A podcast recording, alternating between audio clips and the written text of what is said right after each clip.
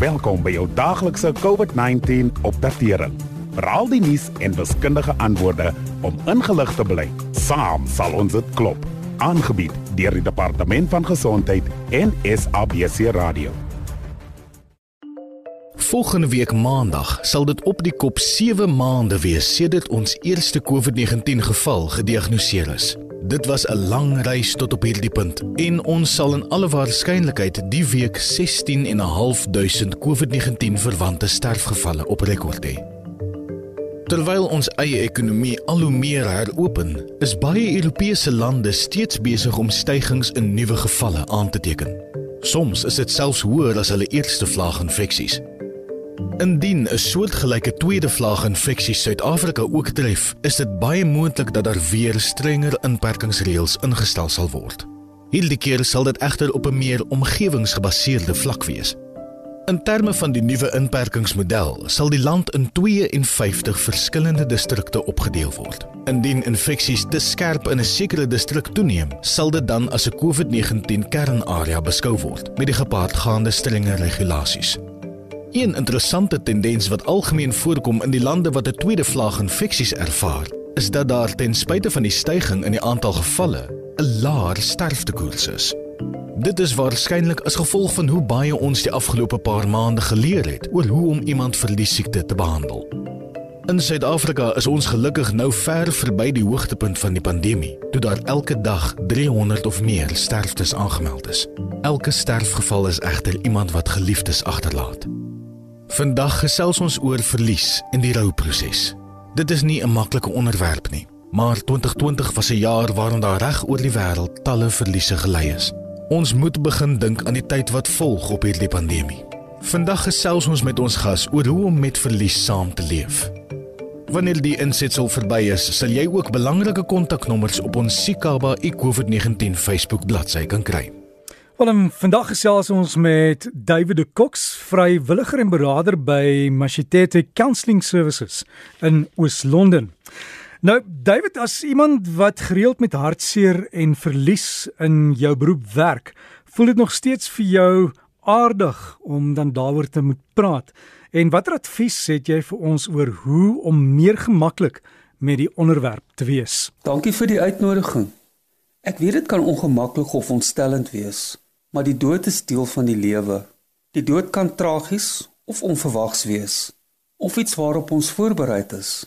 En soms is dit selfs 'n verligting vir iemand wat pyn verduur. Dis iets wat deur ons almal gaan, net soos ons almal gebore word. As jy met pasiënte praat wat hulle eie dood in die gesig staar, vind jy dikwels dat hulle wil praat, maar dis ons wat ongemaklik voel. Mense is bekommerd dat dit verkeerd is om op dieselfde manier oor die dood te praat as wat ons oor ons belasting praat. Maar dit is beter om direk te wees.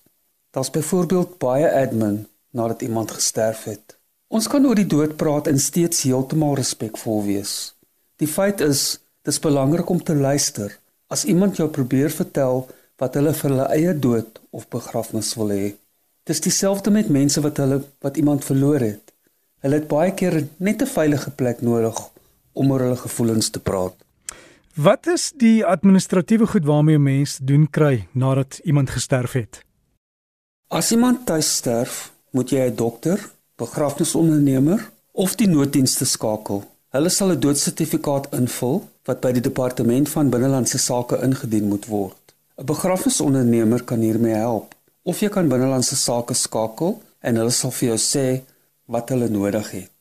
Binnelandse Sake reik 'n paar weke na die dood 'n gratis verkorte doodsertifikaat uit wat jy nodig sal hê vir die boedel en goed soos op om Facebook te vra om 'n rekening te herdenk of te sluit. Dit is natuurlik ideaal as die oorledene 'n testament nagelaat het. Maak 'n paar gewaarmerkte afskrifte hiervan en van hulle identiteitsdokument vir die bank en versekeringspolisse.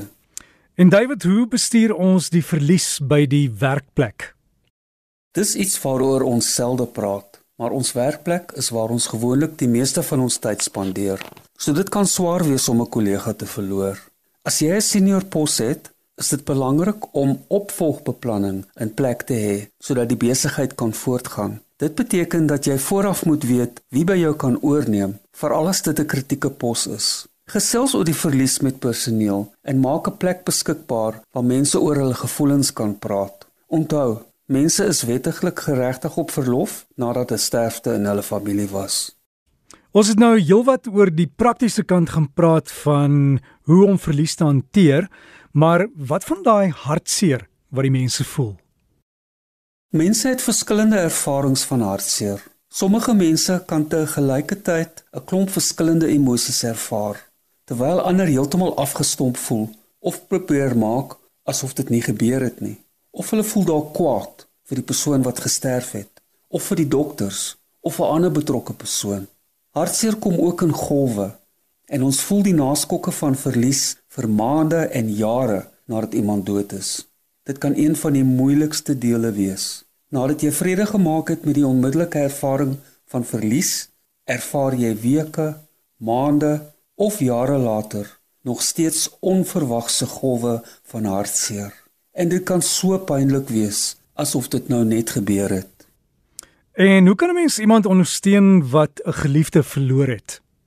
As jy iemand verloor het, wees geduldig en sag met jouself. Die belangrikste is om sonder oordeel na jou eie hart te luister. As jy voel dis nodig, praat met 'n professionele beraader of bel Lifeline by 0861 322 322. Dis ook wat ek vir mense sê wat iemand ondersteun wat 'n geliefde verloor het. Hulle dalk jou hulp nodig met praktiese goed, maar meeste van die tyd wil hulle net iemand hê wat sonder oordeel na hulle luister want ons emosies is kompleks en onvoorspelbaar as dit by hartseer kom. Dankie David en onthou die lifeline nommer jy kan hom maar daar op jou selfoon bære. Mens weet nooit wanneer jy of iemand anders hom nodig het nie. Dis 0861 322 322 0861 322 322 ek het hom ook gou gegoogel ek sien hy is daar. So sluit môre weer by ons aan wanneer ons gaan kyk hoe COVID-19 ander wêrelddele beïnvloed het.